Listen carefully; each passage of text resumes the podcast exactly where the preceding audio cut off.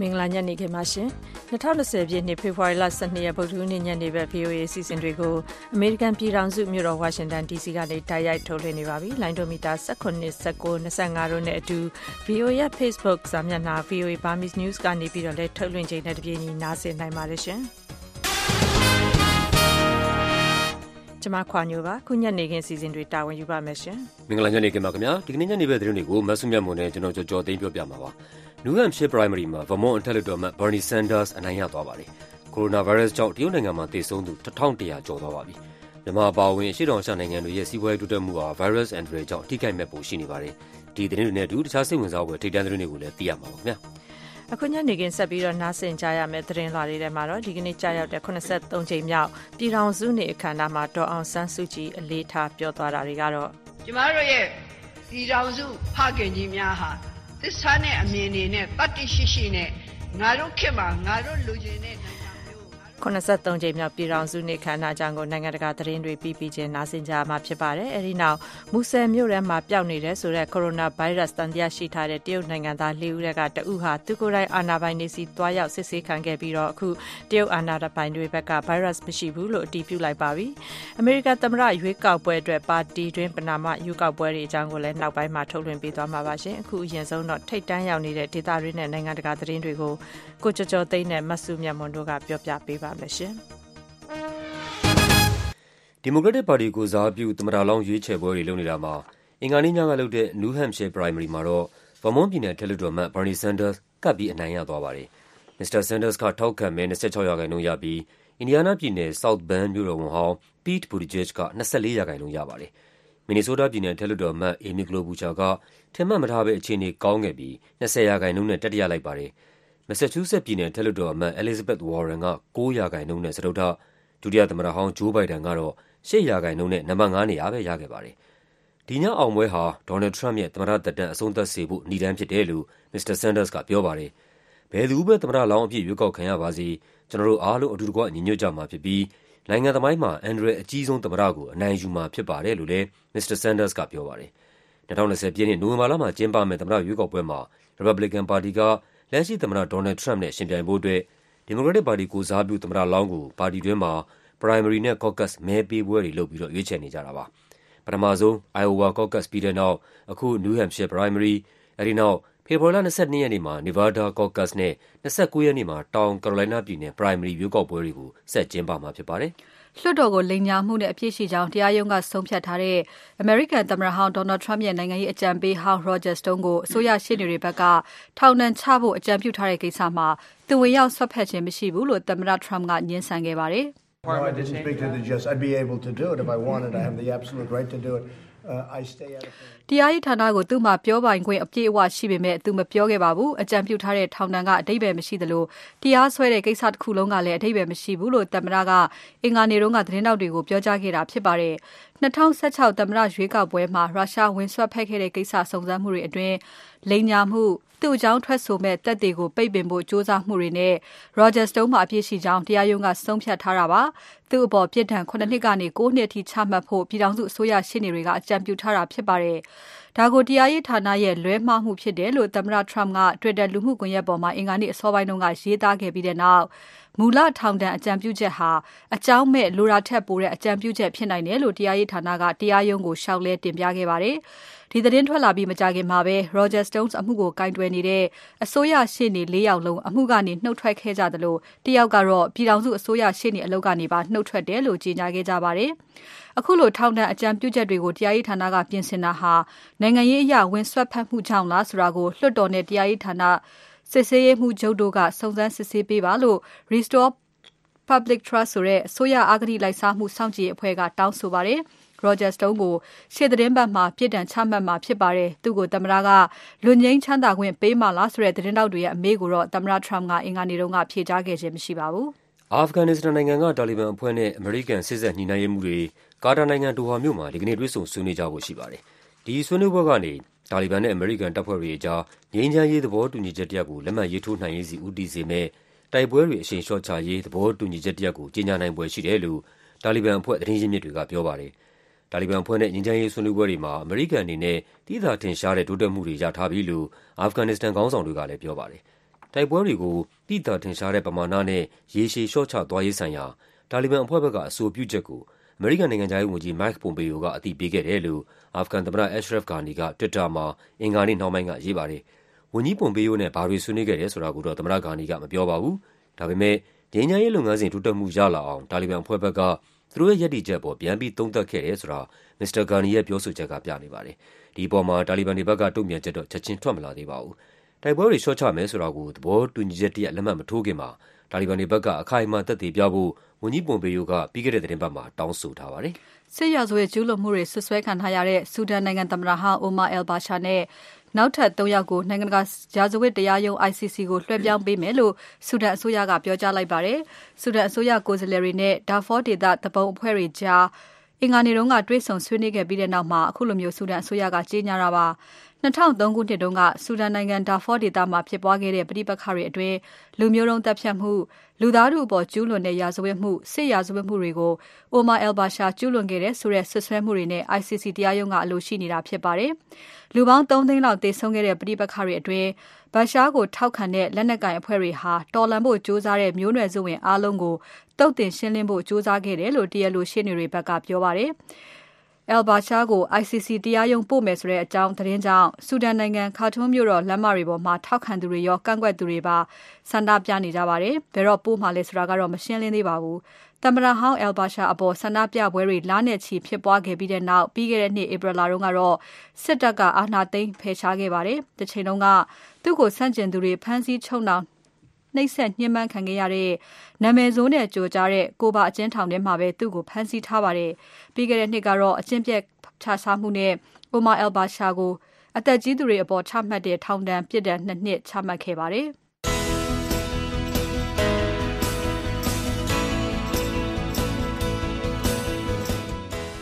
VOA အမေရိကန်အသံညနေဖက်မြန်မာဘာသာအစီအစဉ်တွေကို ညနေ၆နာရီခွဲကနေညနေ၇နာရီအထိလိုင်းဒိုမီတာ၁၇ kHz 10683ည၊လိုင်းဒိုမီတာ၁၉ kHz 15563ည၊လိုင်းဒိုမီတာ၂၅ kHz 11965တို့ကနေထုတ်လွှင့်ပေးနေပါတယ်ခင်ဗျာ။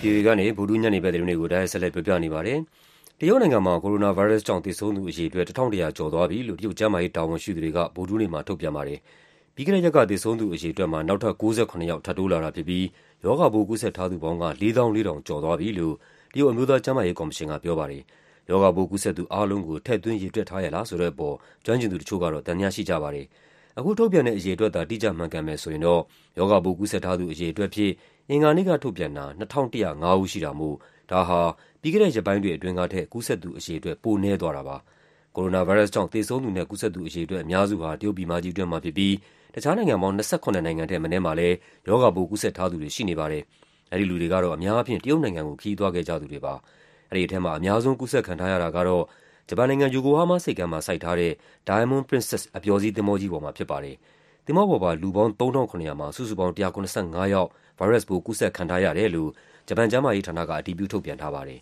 ။ဒီအတောအတွင်းမှာပဲ ဟောင်ကောင်မှာ ပြီးခဲ့တဲ့ သီတင်းနှစ်ပတ်လောက်က ဆိုက်ကပ်ခဲ့တဲ့ Holland America Line ပိုင် Westerdam အပျော်စီးသင်္ဘောကြီးပေါ်က ခရီးသည် ၂,၀၀၀ လောက်ကို ထိုင်းနိုင်ငံထဲ ဝင်ခွင့်ပြုမှာမဟုတ်ဘူးလို့ ထိုင်းဝန်ကြီးချုပ်က အင်္ဂါနေ့မှာ ပြောပါတယ်။ဆီဖြည့်ဖို့၊အစားအစာနဲ့ လိုအပ်တဲ့ တခြားပစ္စည်းတွေ ပြန်ဖြည့်ဖို့အတွက်ပဲ သင်္ဘောကို ဆိုက်ကပ်ခွင့်ပေးမယ်လို့ ထိုင်းဝန်ကြီးချုပ် Prayuth Chan-o-cha က ဘန်ကောက်မှာ သတင်းထောက်တွေကို ပြောတာပါ။သင်္ဘောပေါ်ပါ ခရီးသည်တွေထဲမှာတော့ Coronavirus ကူးစက်ထားသူအဖြစ် စစ်ဆေးအတည်ပြုထားတာ တယောက်မှမရှိပါဘူး။ Coronavirus ပိုးနဲ့ပတ်သက်လို့စစ်ဆေးကုသကာကွယ်နိုင်မယ့်နည်းလမ်းတွေကိုအမြန်ဆုံးရှာဖွေနိုင်ဖို့ WHO ကမ္ဘာ့ကျန်းမာရေးအဖွဲ့ကြီးက Switzerland နိုင်ငံ Geneva မြို့မှာဒုတိယနေ့အဖြစ်ဆက်လက်ဆွေးနွေးနေကြပါတယ်။ဒီကနေ့မှာတော့ကမ္ဘာတဝန်းကသိပ္ပံပညာရှင်တွေ၊အစိုးရကျန်းမာရေးတာဝန်ရှိသူတွေ၊သုတေသီတွေ၊အလှူရှင်တွေဟာ Virus ပိုးနဲ့ပတ်သက်တဲ့အချက်အလက်တွေကိုမျှဝေဆွေးနွေးပြီးအထိရောက်ဆုံးဘယ်လိုတုံ့ပြန်ဖြေရှင်းမလဲဆိုတာကို အဖြေရှာနေကြပါတယ်။ပိုးကူးစက်ပျံ့နှံ့မှုကိုတားဆီးနိုင်ဖို့နဲ့ရောဂါအတွက်ဆေးဝါးတွေကိုဖော်စပ်ထုတ်လုပ်နိုင်ဖို့အရေးပေါ်ဦးစားပေးဆွေးနွေးနေတယ်လို့ဆွေးနွေးပွဲပူးတွဲဥက္ကဋ္ဌ Virus ရောဂါဆိုင်ရာကျွမ်းကျင်သူ Marie-Paule Kenney ကပြောပါတယ်။လက်ရှိမှာ ရောဂါကိုကာကွယ်နိုင်တဲ့ဆေးရောပျောက်ကင်းအောင်ကုသနိုင်တဲ့ဆေးပါမရှိသေးဘူးလို့ WHO အကြီးအကဲ Tedros Adhanom Ghebreyesus ကပြောကြားထားပါတယ်။လက်ရှိကူးစက်ပျံ့နှံ့နေတဲ့ရောဂါပိုးနဲ့ပတ်သက်လို့မသိရသေးတာတွေအများကြီးရှိနေတဲ့အတွက်အခုဆွေးနွေးပွဲကပါဝင်တဲ့သိပ္ပံပညာရှင်တွေဟာသူတို့ရဲ့တွေ့ရှိ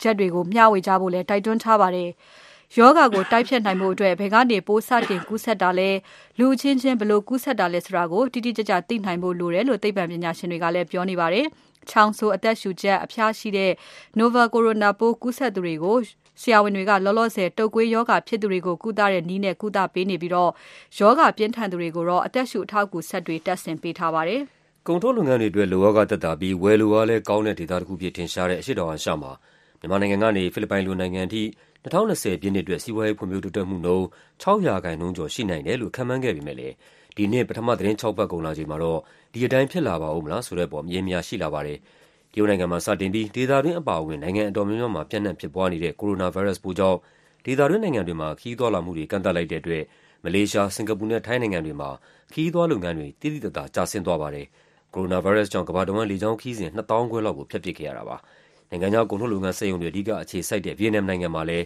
ဒီတလလုံး တရုတ်ဘက်က ကုန်ကြမ်းပစ္စည်းတွေ ဝယ်မရတဲ့အခြေအနေ ရှိခဲ့ပါတယ်။ တချိန်ထဲမှာပဲ ဒေသတွင်းက လူသန်းပေါင်း ၆၃၀ လောက်ဟာလည်း ကိုရိုနာဗိုင်းရပ်စ် ကူးစက်ခံရမှာ စိုးရိမ်စိတ်နဲ့ အပြင်ထွက် ဈေးဝယ်တာတွေ ရှောင်ကြတာကြောင့် ဝယ်လိုအား ကျသွားပါတယ်။အရှေ့တောင်အာရှနိုင်ငံတွေဟာ တရုတ်နိုင်ငံနဲ့ စီးပွားရေးနဲ့ ကုန်သွယ်ရေးအရ အနီးကပ်ဆက်ဆံရေးရှိတဲ့ နိုင်ငံတွေဖြစ်တာကြောင့် အခုလို ကိုရိုနာဗိုင်းရပ်စ်အန္တရာယ် ကြုံရချိန်မှာအ ထူးသဖြင့် စီးပွားရေးအရ တိုက်ရိုက် ထိခိုက်လာနိုင်တယ်လို့ စီးပွားရေးပညာရှင်တွေက ယူဆ ပြောဆိုကြပါတယ်။ထိုင်းအစိုးရနဲ့ နိုင်ငံတောင်ပိုင်းက မွတ်ဆလင် ခွဲထွက်ရေးသူပုန်တွေကြား ငြိမ်းချမ်းရေးအတွက် စတင်ဆွေးနွေးခဲ့ကြပါတယ်။အာရှနဲ့ ဥရောပနိုင်ငံတွေမှာ လနဲ့ချီကြာ ညှိနှိုင်းဆွေးနွေးမှုတွေလုပ်ခဲ့ပြီးတဲ့နောက် အစိုးရနဲ့ သူပုန်အဖွဲ့တွေထဲက အကြီးဆုံး BRN တော်လှန်ရေးတပ်ဦးခေါင်းဆောင်တွေ ဆွေးနွေးကြတာဖြစ်ပါတယ်။ဆွေးနွေးပွဲဖြစ်ဖို့ ကြားဝင်ညှိနှိုင်းပေးနေတဲ့ မလေးရှားနိုင်ငံမှာ ဇန်နဝါရီလ20ရက်နေ့တုန်းက6နှစ်အတွင်းပထမဆုံးပထမဆုံး တရားဝင်ဆွေးနွေးမှုတွေလုပ်ခဲ့တာပါ။ ဒုတိယကြိမ်ဆွေးနွေးပွဲတွေကိုတော့မတ်လဆန်းမှာပြုလုပ်မယ်လို့မျှော်လင့်ရပါတယ်။သီးခြားလွတ်လပ်တဲ့နိုင်ငံတကာလေ့လာသူတွေပါပါဝင်ခွင့်ပေးဖို့ BRN သဘုံအဖွဲ့ဘက်ကတောင်းဆိုတာကိုအစိုးရကအငြင်းကညှင်းဆန်ခဲ့ပေမဲ့သဘုံတွေဆွေးနွေးပွဲစပွဲရောက်လာအောင်လို့အစိုးရကအလျှော့ပေးခဲ့တယ်လို့ပဋိပက္ခလေ့လာသူထိုင်းပညာရှင်တယောက်ကပြောပါတယ်။ဒါကြောင့် ဇန်နဝါရီလ20ရက်နေ့တုန်းကဆွေးနွေးပွဲမှာ ထိုင်းနဲ့ဆွစ်ဇာလန်နိုင်ငံတွေက လေ့လာသူတွေပါ ပါဝင်ခဲ့ကြပါတယ်။တပုံတွေနဲ့ အပြန်အလှန် ယုံကြည်မှုတိဆောက်ရေးဟာ အရေးကြီးကြောင်းနဲ့ အခုလုပ်ခဲ့တဲ့ ဆွေးနွေးပွဲဟာ ပထမအဆင့်ဖြစ်တယ်လို့ အစိုးရပြောခွင့်ရသူက ပြောပါတယ်။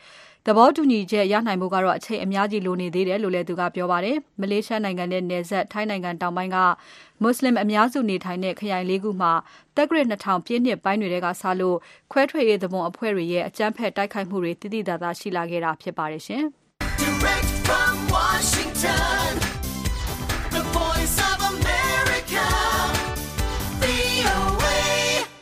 ဗုဒ္ဓနဲ့ညနေခင်း ထိတ်တန်းရောက်နေတဲ့ ဒေသတွင်းနဲ့ နိုင်ငံတကာ သတင်းတွေကို ကိုကြကြောသိန်းနဲ့မဆုမြတ်မွန်တို့ ပြောပြပေးခဲ့ကြတာပါရှင်။အခုထုတ်လွှင့်ပေးနေတဲ့ ရေဒီယိုအစီအစဉ်ကို VOA ရဲ့ internet website လိပ်စာ burmese.voanews.com ကဖြစ်စေ VOA ရဲ့ Facebook စာမျက်နှာ VOA Burmese News ကနေဖြစ်စေ လိုက်ပြီးတော့နားထောင်နိုင်ပါတယ်ရှင်။အခုသတင်းလွှာတွေထဲမှာတော့ ဒီကနေ့ ကျင်းပတဲ့83ကြိမ်မြောက် ပြည်ထောင်စုနေ့ အခမ်းအနားကြောင်းနဲ့ စပါမယ်။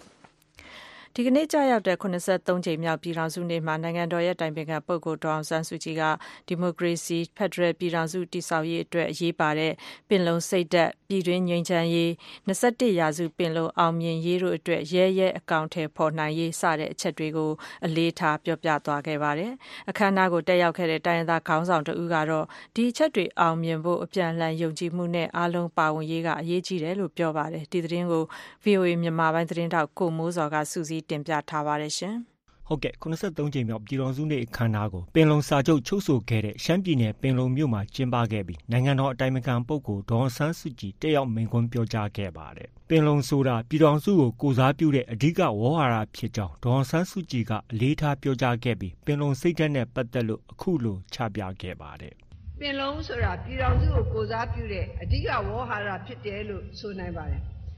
ပင်လုံစာချုပ်ဖြစ်ပေါ်နိုင်ခြင်းနဲ့ပတ်သက်တဲ့အရေးကြီးဆုံးအချက်ကတော့ပြည်သူလူထုပါဝင်ခဲ့ခြင်းဖြစ်တယ်လို့ကျွန်မယူဆပါတယ်။ဒါဟာနိုင်ငံအတွက်အရေးပါတဲ့ကိစ္စရပ်တွေအောင်မြင်စွာပြည့်မြောက်ဖို့အတွက်ပြည်သူလူထုမပါမဖြစ်ဆိုတဲ့ဒီမိုကရေစီတန်ဖိုးကိုအတိအမှတ်ပြုလိုက်တာလည်းဖြစ်ပါတယ်။ဒုတိယအချက်အနေနဲ့ပြောရမယ်ဆိုရင်စာချုပ်ထဲမှာပါတဲ့ဝက်ချံလေးတစ်ခုပဲဖြစ်ပါတယ်။ဒီဝက်ချံလေးကရှင်းရှင်းလိုလိုလေးပါပဲ။ ကြားဖြတ်မြန်မာအစိုးရနဲ့ချက်ချင်းပူးပေါင်းခြင်းအပြင်ရှမ်းကချင်နဲ့ချင်းတို့သည်လွတ်လပ်ရေးကိုပုံမို၍လင်းမြန်စွာရလိမ့်မည်ဆိုတဲ့အချက်ပါပဲတိုင်းရင်းသားတွေပူးပေါင်းဆောင်ရွက်မှတကယ်အရေးပါတဲ့နိုင်ငံကိစ္စတွေကိုမြန်ဆန်ကောင်းမွန်စွာအကောင့်ထဲပေါ်နိုင်မယ်ဆိုတာကိုညွှန်းနေတာပါအထက်ဖော်ပြပါအချက်တစ်ချက်ကိုပေါင်းပြီးတော့ကြည့်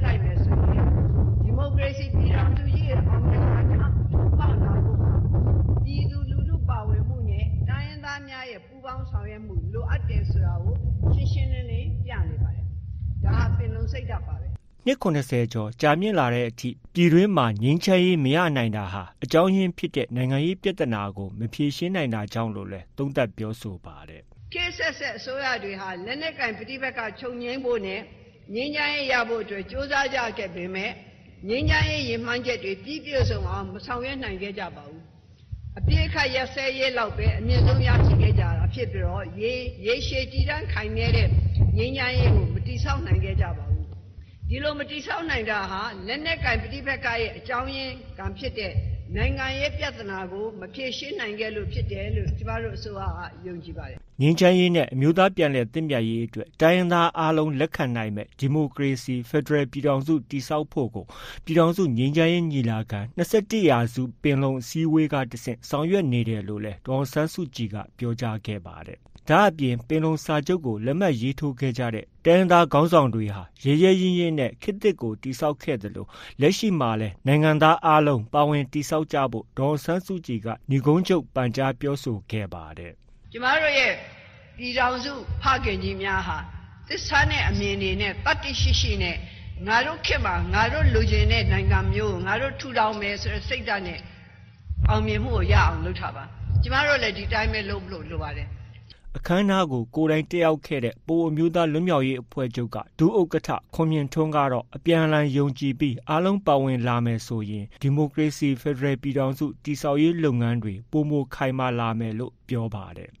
အဓိ ကဒီလိုအခြေအနေမျိုးမှာပေါ့နော်ကျွန်တော်တိုင်းပြည်ကတော့ဒေါအောင်ဆန်းစုကြည်ပြောတဲ့အမျိုးသားတန်းကြီးနဲ့အမျိုးသားညီညွတ်ရေးအခြေခံနဲ့ဆွဲတဲ့ပြည်ထောင်စုထူထောင်နိုင်ဖို့ကတော့ကျွန်တော်တို့ကြားမှာယုံကြည်မှုကအဓိကကြပါတယ်။အဲယုံကြည်မှုရအောင်ကျွန်တော်တို့အပြန်လာပြီးတော့ထူထောင်ဖို့လိုတယ်။နောက်တစ်ခုကတော့လက်ရှိကတကယ်ကျွန်တော်တို့နိုင်ငံရေးဆွေးနွေးပွဲတွေမှာအားလုံးပါဖို့တော့လိုပါတယ်။ကျွန်တော်တို့အားလုံးပါကြတယ်ဆိုရင်တော့အားလုံးကြည်ကြည်လည်းလည်းဆွေးနွေးနိုင်တော့ကျွန်တော်ဖယ်တဲ့ပြောင်းလဲထူထောင်ရေးပြမှုတွေရရှိနေရတော့ ပို့ပြီးတော့မှ အလွယ်ကူနဲ့ချောမှုနဲ့ခိုင်မာမယ်ပေါ့ ဒီနေ့ ပင်လုံမြို့မှာ ကျင်းပတဲ့ ပြည်ထောင်စုနေ့ အခမ်းအနားကို ပင်လုံစာချုပ်မှာ ပါဝင်လက်မှတ်ရေးထိုးခဲ့တဲ့ တိုင်းရင်းသားခေါင်းဆောင်ကြီးတွေရဲ့ မိသားစုဝင်တွေ ပါဝင်တက်ရောက်ခဲ့သလို NCA ခေါ်တနိုင်ငံလုံး ပစ်ခတ်တိုက်ခိုက်မှု ရပ်စဲရေး သဘောတူစာချုပ်ကို လက်မှတ်ရေးထိုးထားတဲ့ တိုင်းရင်းသား လက်နက်ကိုင်အဖွဲ့တွေက ကိုယ်စားလှယ်တွေလည်း ပါဝင်တက်ရောက်ခဲ့ပါတယ်။ကိုမိုးစောစူးစီးတင်ပြခဲ့တာပါရှင်အခု ကိုရိုနာဗိုင်းရပ်စ် ကာကွယ်ဟန်တာမှုတွေအကြောင်းကိုအလှည့်ပေးပါမယ်။ မူဆယ်မြို့ကိုရောက်နေတယ်လို့ယူနန်အစိုးရကသတင်းထုတ်ပြန်ထားတဲ့ပျောက်ဆုံးနေတဲ့ဝူဟန်မြို့ကလူ၄ဦးထဲကတဦးဟာတရုတ်အာဏာပိုင်တွေစီမနေ့ကကိုယ်တိုင်သွားရောက်အနှံခဲ့ပါတယ်။မူလပျောက်ဆုံး၅ဦးထဲကတဦးကိုမူဆယ်မြို့မှာတရက်ပိုင်းရှာတွေ့ခဲ့ပြီးဒါဟာဒုတိယမြောက်တွေ့ရှိတာလည်းဖြစ်ပါတယ်။ကြံနေသေးတဲ့၃ဦးဟာလည်းတရုတ်နိုင်ငံထဲမှာရှိတယ်လို့ယူဆနိုင်ကြောင်းဒီမူဆယ်ခရိုင်တာဝန်ရှိသူတွေကပြောပါတယ်။ဒီအကြောင်းစုံစမ်းမေးမြန်းထားတဲ့ VOA မြန်မာပိုင်းသတင်းတောက်ကိုဇော်ထက်ကပြောပြပေးပါမယ်ရှင်။ ကိုရိုနာဗိုင်းရပ်စ်ပျံ့နှံ့နေတဲ့ တရုတ်ဝူဟန်မြို့က လူ၅ဦးဟာ ရှမ်းပြည်နယ်မြောက်ပိုင်း မူဆယ်ကို ရောက်ရှိနေကြောင်း တရုတ်ရဲတပ်ဖွဲ့က ဖေဖော်ဝါရီ ၅ ရက်မှာ အကြောင်းကြားလာပြီးနောက်ပိုင်း ဖေဖော်ဝါရီ ၆ ရက်မှာ ပထမတယောက်ကို ရှာတွေ့ခဲ့တာပါ။အခုနောက်တယောက်ကတော့ တရုတ်နိုင်ငံထဲမှာပဲ ပြန်တွေ့ခဲ့တာ ဖြစ်ပါတယ်။ဒုတိယမြောက် ဝူဟန်မြို့သားဟာ တရုတ်ရဲတပ်ဖွဲ့စီမှာသွားပြီး ကိုယ်တိုင်အစစ်ဆေးခံခဲ့တာဖြစ်ပြီး သူ့ကိုပြန်တွေ့ခဲ့ကြောင်း ဖေဖော်ဝါရီ ၁၁ ရက် ဒီကနေ့မှာ တရုတ်ရဲက အကြောင်းကြားလာခဲ့တယ်လို့ မူဆယ်ခရိုင် ဒုအုပ်ချုပ်ရေးမှူး ဦးဥက္ကာက ပြောပါတယ်။အဲဒီနေ့တရုတ်တရုတ်ဘက်ကနေ သတင်းပေးပို့ချက်ရတော့ မနေ့ကဟိုမျိုးသားတယောက်ကဟိုတရုတ်ပြည်ရဲတပ်ဖွဲ့မှာ လာရောက်ပြီးတော့ အစစ်ဆေးခံပါတယ်ခင်ဗျ။စစ်ဆေးတော့ သူတို့မှာယောဂဝုံတွေ့ပါဆိုတရုတ်ကနေကျွန်တော်တို့ရဲတပ်ဖွဲ့ကနော် BLO အကြောင်းကြားပြီးပါတယ် ဆိုတော့ကျန်တဲ့၃ယောက်ကလည်းလောလောဆယ်တော့မိတော့မမိသေးဘူး။အဲတရုတ်ဘက်ကလည်းသူတို့နိုင်ငံထဲမှာပဲရှိမယ်လို့တော့သုံးသပ်ပါတယ်ဗျ။သူတို့ပျောက်ဆုံး၅ဦးတည်းကပထမဆုံးတယောက်ကတော့မူဆယ်ခရိုင်ပန်ဆိုင်မြို့မှာဖေဖော်ဝါရီ၆ရက်ကရှာတွေ့ခဲ့ရဖြစ်ပြီးနှစ်နိုင်ငံညှိနှိုင်းမှုနဲ့တရုတ်အစိုးရကိုပြန်အပ်ခဲ့တယ်လို့လည်းပြောပါတယ်။အခုလိုဖြစ်ရတဲ့ကြုံနေရအကြောင်းမြန်မာနိုင်ငံအတွင်းကိုနေဆက်ဝင်ပေါက်တွေကနေယောဂပိုးကူးစက်ခံရသူတွေဝင်လာမှာစိုးရင်ကြောင်း ကျန်းမာရေးနဲ့ အားကစားဝန်ကြီး ဒေါက်တာမြင့်ထွေးက ဖေဖော်ဝါရီ ၁၁ ရက်မှာလုပ်တဲ့ ပြည်သူ့လွှတ်တော် အစည်းအဝေးမှာ တင်ပြခဲ့တာပါ။အခုအခါမှာတော့ ပြည်သူ့ကျန်းမာရေးဦးစီးဌာနက အဓိက တာဝန်ယူ စောင့်ကြည့် စစ်ဆေးနေတဲ့ တရုတ် ထိုင်းနဲ့နေချင်းထိစပ်နေတဲ့ ကချင်နဲ့ ရှမ်းပြည်နယ် နယ်စပ်ဂိတ်တွေမှာ ဝင်လာသူတွေ တယောက်ချင်းစီရဲ့ အလုတ်သွားလုပ်တဲ့နေရာ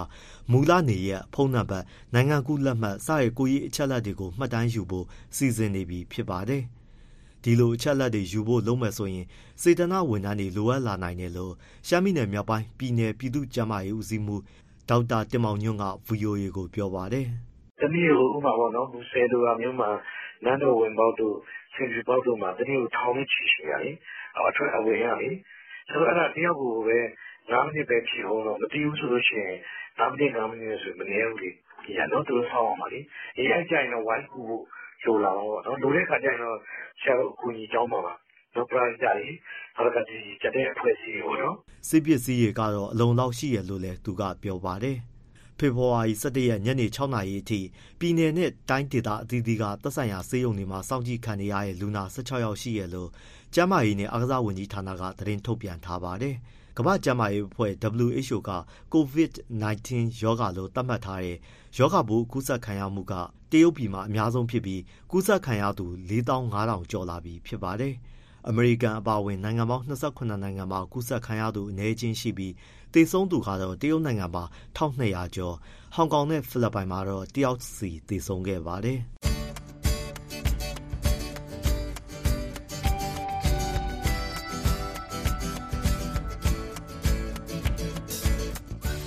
မြန်မာပိုင်းရုပ်မြင်သံကြားအစီအစဉ်တွေကို Democratic မြန်မာအတန် DVB ရုပ်သံလိုင်းကနေဖမ်းယူကြည့်ရှုနိုင်ပါတယ်။ DVB ရုပ်သံစလောင်းကနေပြီးတော့နေ့စဉ်ည10:00နာရီနဲ့မနက်9:00နာရီခွဲအချိန်တွေမှာဖြစ်ပါတယ်။ပုံမှန်ကြည့်ရှုနေကြ VOA ရဲ့ Interset 17နဲ့ Mediaset 3ဂျိုလူတွေကနေနေ့တိုင်းည9:00နာရီမှာပြသတဲ့မိနစ်30စာနောက်ဆုံးရနိုင်ငံတကာနဲ့မြန်မာသတင်းတွေအပြင်သတင်းဆောင်မတွေတွဲဆုံမေးမြန်းခန်းတွေနဲ့အပတ်စဉ်ကဏ္ဍတွေကို DVB ရုပ်သံလိုင်းမှာ နေ့စဉ်ပုံမှန်ကြည့်ရှုနိုင်ပါတယ်ရှင်။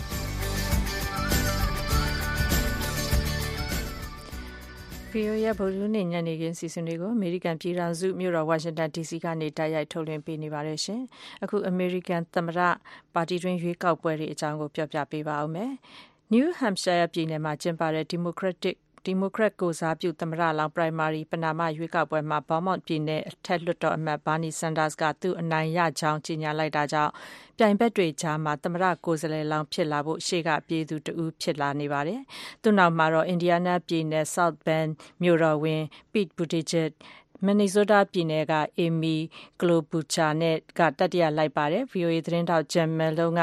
New Hampshire ပဏာမ ရွေးကောက်ပွဲအကြောင်း ပေးပို့ထားတဲ့ သတင်းလွှာကို ကိုအောင်အောင်က တင်ပြပေးထားပါတယ်။ပြုပြင်ပြောင်းလဲရေး လိုလားသူ Progressive Democrat နဲ့ လူငယ်မဲဆန္ဒရှင်တွေရဲ့ ထောက်ခံမှုနဲ့ Bernie Sanders ဟာ New Hampshire မှာ မဲအများဆုံးနဲ့ အနိုင်ရလိုက်ပါတယ်။ ကျနော်တို့ရည်ရွယ်ချက်က Trump နဲ့ယှဉ်ပြိုင်ဖို့အတွက်သာမဟုတ်ဘဲဒီနိုင်ငံကိုပြောင်းလဲပစ်ဖို့ပါ။ Wall Street ကခေါင်းပုံဖြတ်နေသူတွေ၊အာမခံကုမ္ပဏီတွေနဲ့ဆေးဝါးထုတ်လုပ်တဲ့ကုမ္ပဏီတွေ၊ရေနံနဲ့ဓာတ်ငွေ့ထုတ်လုပ်နေသူတွေ၊လက်နက်ထုတ်လုပ်သူတွေအပေါ်ကန့်သတ်ထိန်းချုပ်ဖို့ရဲစွမ်းသတ္တိရှိဖို့လိုအပ်ပါတယ်။ Iowa ရွေးကောက်ပွဲမှာအနိုင်ရခဲ့တဲ့ Pete Buttigieg ကတော့ New Hampshire ရွေးကောက်ပွဲမှာဒုတိယလိုက်ပါတယ်။ဒီမိုကရက်တွေအားလုံးစုစည်းနိုင်ဖို့သူကြိုးပမ်းမယ့်အကြောင်း Buttigieg ကကတိပေးပြောကြားပါတယ်။“ ပြုပြင်ပြောင်းလဲရေးလုပ်မလား၊အရင်ပုံစံအတိုင်းဆက်သွားမလားဆိုတာမျိုးပြောကြတာရှိပါတယ်။အမေရိကန်အများစုကဒီအမြင်နှစ်ခုကြားဘယ်ဘက်ကရပ်တည်မလဲဆိုတာကိုမသိကြဘူးဖြစ်နေပါတယ်။ကိုယ်နဲ့တစ်ရာရာခိုင်နှုန်းသဘောမတူတဲ့လူတိုင်းကိုရစရာမရှိအောင်ပုတ်ခတ်တိုက်ခိုက်မယ်ဆိုရင်အမေရိကန်ခေတ်သစ်သမိုင်းမှာ စိတ်ဝမ်းအကွဲပြားဆုံးဖြစ်အောင်ဖန်တီးခဲ့တဲ့သမ္မတကိုဖြုတ်ချနိုင်မှာမဟုတ်ပါဘူး။”လူအများအတွက်အံ့အားသင့်စေတာကတော့ Minnesota ပြည်နယ်အထက်လွှတ်တော်အမတ် Amy Klobuchar ဟာတတိယနေရာကနေလိုက်နေတာပါ။လွန်ခဲ့တဲ့သောကြာနေ့ကစကားစစ်ထိုးပွဲမှာသူ့ရဲ့အရည်အချင်းကိုပြသနိုင်ခဲ့သလိုအလယ်အလတ်သဘောထားရှိတဲ့မဲဆန္ဒရှင်တွေရဲ့ထောက်ခံမှုကိုလည်းရခဲ့တာပါ။ Donald Trump's worst nightmare Donald Trump အကြောက်ဆုံးကတော့အလယ်အလတ်သဘောထားရှိတဲ့မဲဆန္ဒရှင်တွေနာမည်ခေါ်ပြီးတော့ပုတ်ခတ်နှိမ်ချပြောဆိုတာမျိုးကိုစိတ်ပြည့်ယွန်ရှာနေကြသူတွေနဲ့ လာမယ့်နိုဝင်ဘာမှာမဲပေးကြမယ့်မဲဆန္ဒရှင်တွေကိုပါ။ Massachusetts ပြည်နယ်အထက်လွှတ်တော်အမတ် Elizabeth Warren နဲ့ဒုသမ္မတဟောင်း Joe Biden တို့ကတော့နောက်ကကပ်လိုက်နေတာပါ။ Mr. Biden ဟာပဉ္စမမြောက်နေရာမှာရှိနေတာကြောင့်သမ္မတလောင်းဖြစ်လာဖို့မျှော်လင့်ချက်နည်းပါးပေမဲ့လည်းသူ့အနေနဲ့နောက်ဆုတ်မှာမဟုတ်ကြောင်းတောင်ကယ်ရိုလိုင်းနားပြည်နယ်ကထောက်ခံသူတွေကိုပြောကြားပါတယ်။သုံးသပ်သူတွေအကဲခတ်တွေကကိုယ်စားလှယ်လောင်းရွေးပွဲနဲ့ပတ်သက်ပြီးအမျိုးမျိုးပြောတာကိုကြားကြမှာပါ။သူတို့ကိုပြောလိုက်ပါ။ပွဲကမဆုံးသေးဘဲအခုမှစတာပါလို့။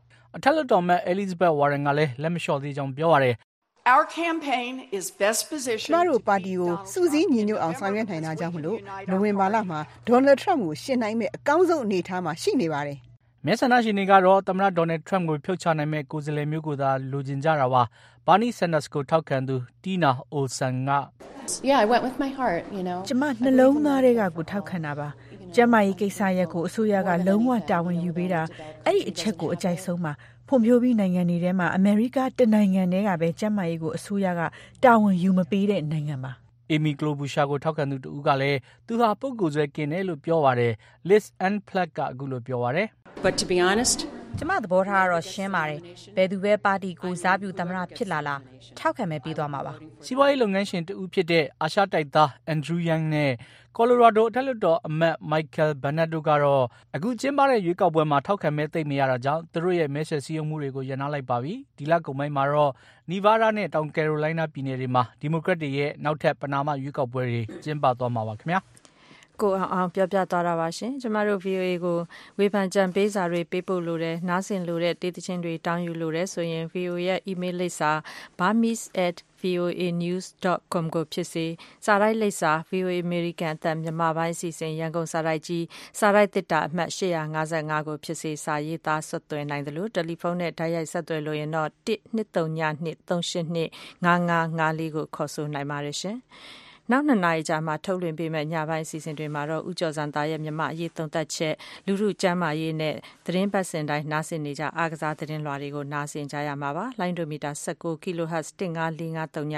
လိုင်းဒိုမီတာ25 kHz 11883ညလိုင်းဒိုမီတာ32 kHz 9335နဲ့ ပထမနိုင်ဝက်မှာ လှိုက်လက်မီတာ190 kHz 1505တို့ကနေ တိုက်ရိုက် နားဆင်နိုင်ပါတယ် အခုဗုဒ္ဓဦးနေ့ညနေခင်းထိတ်တန်းရောက်နေတဲ့နိုင်ငံတကာသတင်းအချင်းချုပ်ကိုကိုကျော်ကျော်သိန်းကပြောပြပေးပါဦးမယ်ဒီမိုကရက်တစ်ပါတီကိုစားပြုသမ္မတလောင်းရွေးချယ်ပွဲတွေလုပ်နေတာမှာအင်္ဂါနေ့ညကလုပ်တဲ့ New Hampshire primary မှာတော့ Vermont ပြည်နယ်အထက်လွှတ်တော်အမတ် Bernie Sanders ကပ်ပြီးအနိုင်ရသွားပါတယ်။ Mr. Sanders ကထောက်ခံမဲ26ရာခိုင်နှုန်းရပြီးအင်ဒီယားနားပြည်နယ် South Bend မြို့တော်ဝန်ဟောင်း Pete Buttigieg က24ရာခိုင်နှုန်းရပါတယ်။ မင်နီဆိုးတားပြည်နယ် အထက်လွှတ်တော်အမတ် Amy Klobuchar က ထင်မှတ်မထားဘဲ အခြေအနေကောင်းခဲ့ပြီး20ရာခိုင်နှုန်းနဲ့ တတိယလိုက်ပါတယ်။မက်ဆာချူးဆက်ပြည်နယ် အထက်လွှတ်တော်အမတ် Elizabeth Warren က9ရာခိုင်နှုန်းနဲ့ စတုတ္ထ၊ဒုတိယသမ္မတဟောင်း Joe Biden ကတော့8ရာခိုင်နှုန်းနဲ့ နံပါတ်5နေရာပဲ ရခဲ့ပါတယ်။အမေရိကန်သမ္မတဒေါ်နယ်လ်ဒ်ထရမ့်ပ်ရဲ့ နိုင်ငံရေးအကြံပေးပုဂ္ဂိုလ်ဟောင်း Roger Stones ဟာ လွှတ်တော်ကို လိမ်ညာမှုနဲ့ အပြစ်ရှိတယ်လို့ တရားရုံးက ဆုံးဖြတ်ထားပြီး အစိုးရရှေ့နေတွေဘက်က ထောင်ဒဏ်ချဖို့ အကြံပြုထားတဲ့ကိစ္စမှာ သူ ဝင်ရောက်စွက်ဖက်တာမျိုး မရှိဘူးလို့ သမ္မတထရမ့်ပ်ကငြင်းပါတယ်။ တရားရေးဌာနကို သူ့မှာ ပြောပိုင်ခွင့် အပြည့်အဝရှိပေမဲ့ သူမပြောခဲ့တဲ့အကြောင်း၊အကြံပြုထားတဲ့ ထောင်ဒဏ်က အဓိပ္ပါယ်မရှိသလို တရားစွဲတဲ့ကိစ္စတခုလုံးကလည်း အဓိပ္ပါယ်မရှိဘူးလို့ သမ္မတက အင်္ဂါနေ့မှာ သတင်းထောက်တွေကို ပြောခဲ့ပါတယ်။တရုတ်နိုင်ငံမှာ ကိုရိုနာဗိုင်းရပ်စ်ကြောင့် သေဆုံးသူအရေအတွက် ၁,၁၀၀ ကျော်သွားပြီလို့ တရုတ်ကျန်းမာရေး တာဝန်ရှိသူတွေက ဗုဒ္ဓဟူးနေ့မှာ ထုတ်ပြန်ပါတယ်။ပြီးခဲ့တဲ့ရက်က သေဆုံးသူအရေအတွက်မှာ နောက်ထပ် ၉၇ ယောက် ထပ်တိုးလာတာဖြစ်ပြီး ရောဂါပိုး ကူးစက်ထားသူပေါင်းက ၄၄,၀၀၀ ကျော်သွားပြီလို့ တရုတ် အမျိုးသား ကျန်းမာရေးကော်မရှင်က ပြောပါတယ်။ ကိုရိုနာဗိုင်းရပ်စ်ပိုးနဲ့ ပတ်သက်လို့ စစ်ဆေး ကုသ ကာကွယ်နိုင်မယ့် နည်းလမ်းတွေကို အမြန်ဆုံး ရှာဖွေဖို့အတွက် WHO ကမ္ဘာ့ကျန်းမာရေးအဖွဲ့ကြီးဟာ ဆွစ်ဇာလန်နိုင်ငံ၊ဂျီနီဗာမြို့မှာ ဒုတိယနေ့အဖြစ် ဆက်လက် ဆွေးနွေးနေကြပါတယ်။ဒီကနေ့မှာတော့ ကမ္ဘာတဝန်းက သိပ္ပံပညာရှင်တွေ၊အစိုးရ ကျန်းမာရေး တာဝန်ရှိသူတွေ၊သုတေသီတွေ၊အလှူရှင်တွေဟာ ဗိုင်းရပ်စ်ပိုးနဲ့ပတ်သက်တဲ့ အချက်အလက်တွေကို မျှဝေဆွေးနွေးပြီး အထိရောက်ဆုံး ဘယ်လို တုံ့ပြန်မလဲဆိုတာ ဆွေးနွေးနေကြပါတယ်ခင်ဗျား။ ဖေဖော်ဝါရီလ12ရက်ဗုဒ္ဓဟူးနေ့ညနေခင်းထိတ်တန်းရောက်နေတဲ့ဒေသတွင်းနဲ့နိုင်ငံတကာသတင်းအချင်းချုပ်ကိုကိုကျော်ကျော်သိန်းပြောပြပေးခဲ့တာပါရှင်။အခုညနေအစီအစဉ်ထုတ်လုပ်ရေးမှူးကမတ်မြသဇင်အောင်ဖြစ်ပြီးအတန်ဖန်အင်ဂျင်နီယာကတော့ Dexter Wondirat ဖြစ်ပါတယ်။အခုကျမတို့အတန်လွှင့်နေတဲ့ရေဒီယိုအစီအစဉ် PP ချင်း Intelsat 17နဲ့ Media Set 3တို့ကနေတိုက်ရိုက်ထုတ်လွှင့်ပေးမဲ့ VOA နေ့စဉ် TV အစီအစဉ်ကိုလည်းကြည့်ရှုနိုင်ကြပါတယ်ရှင်။ VOA သောတာရှင်များနဲ့တကွမြန်မာပြည်သူပြည်သားအားလုံးကိုရောစိတ်ပါရှင်လန်းချမ်းမြေ့ကြပါစေ။ VOA ကိုအားပေးနားဆင်တဲ့အတွက်ကျေးဇူး တင်ပါတယ်ရှင်။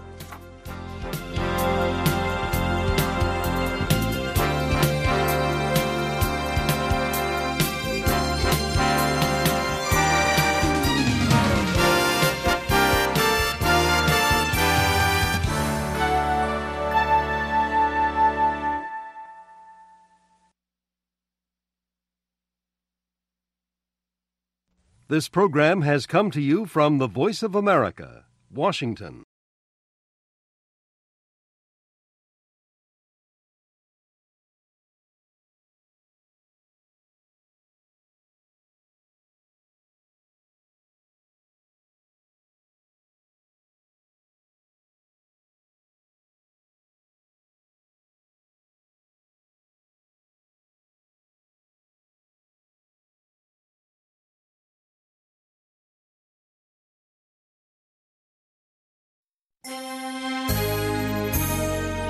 From Washington, this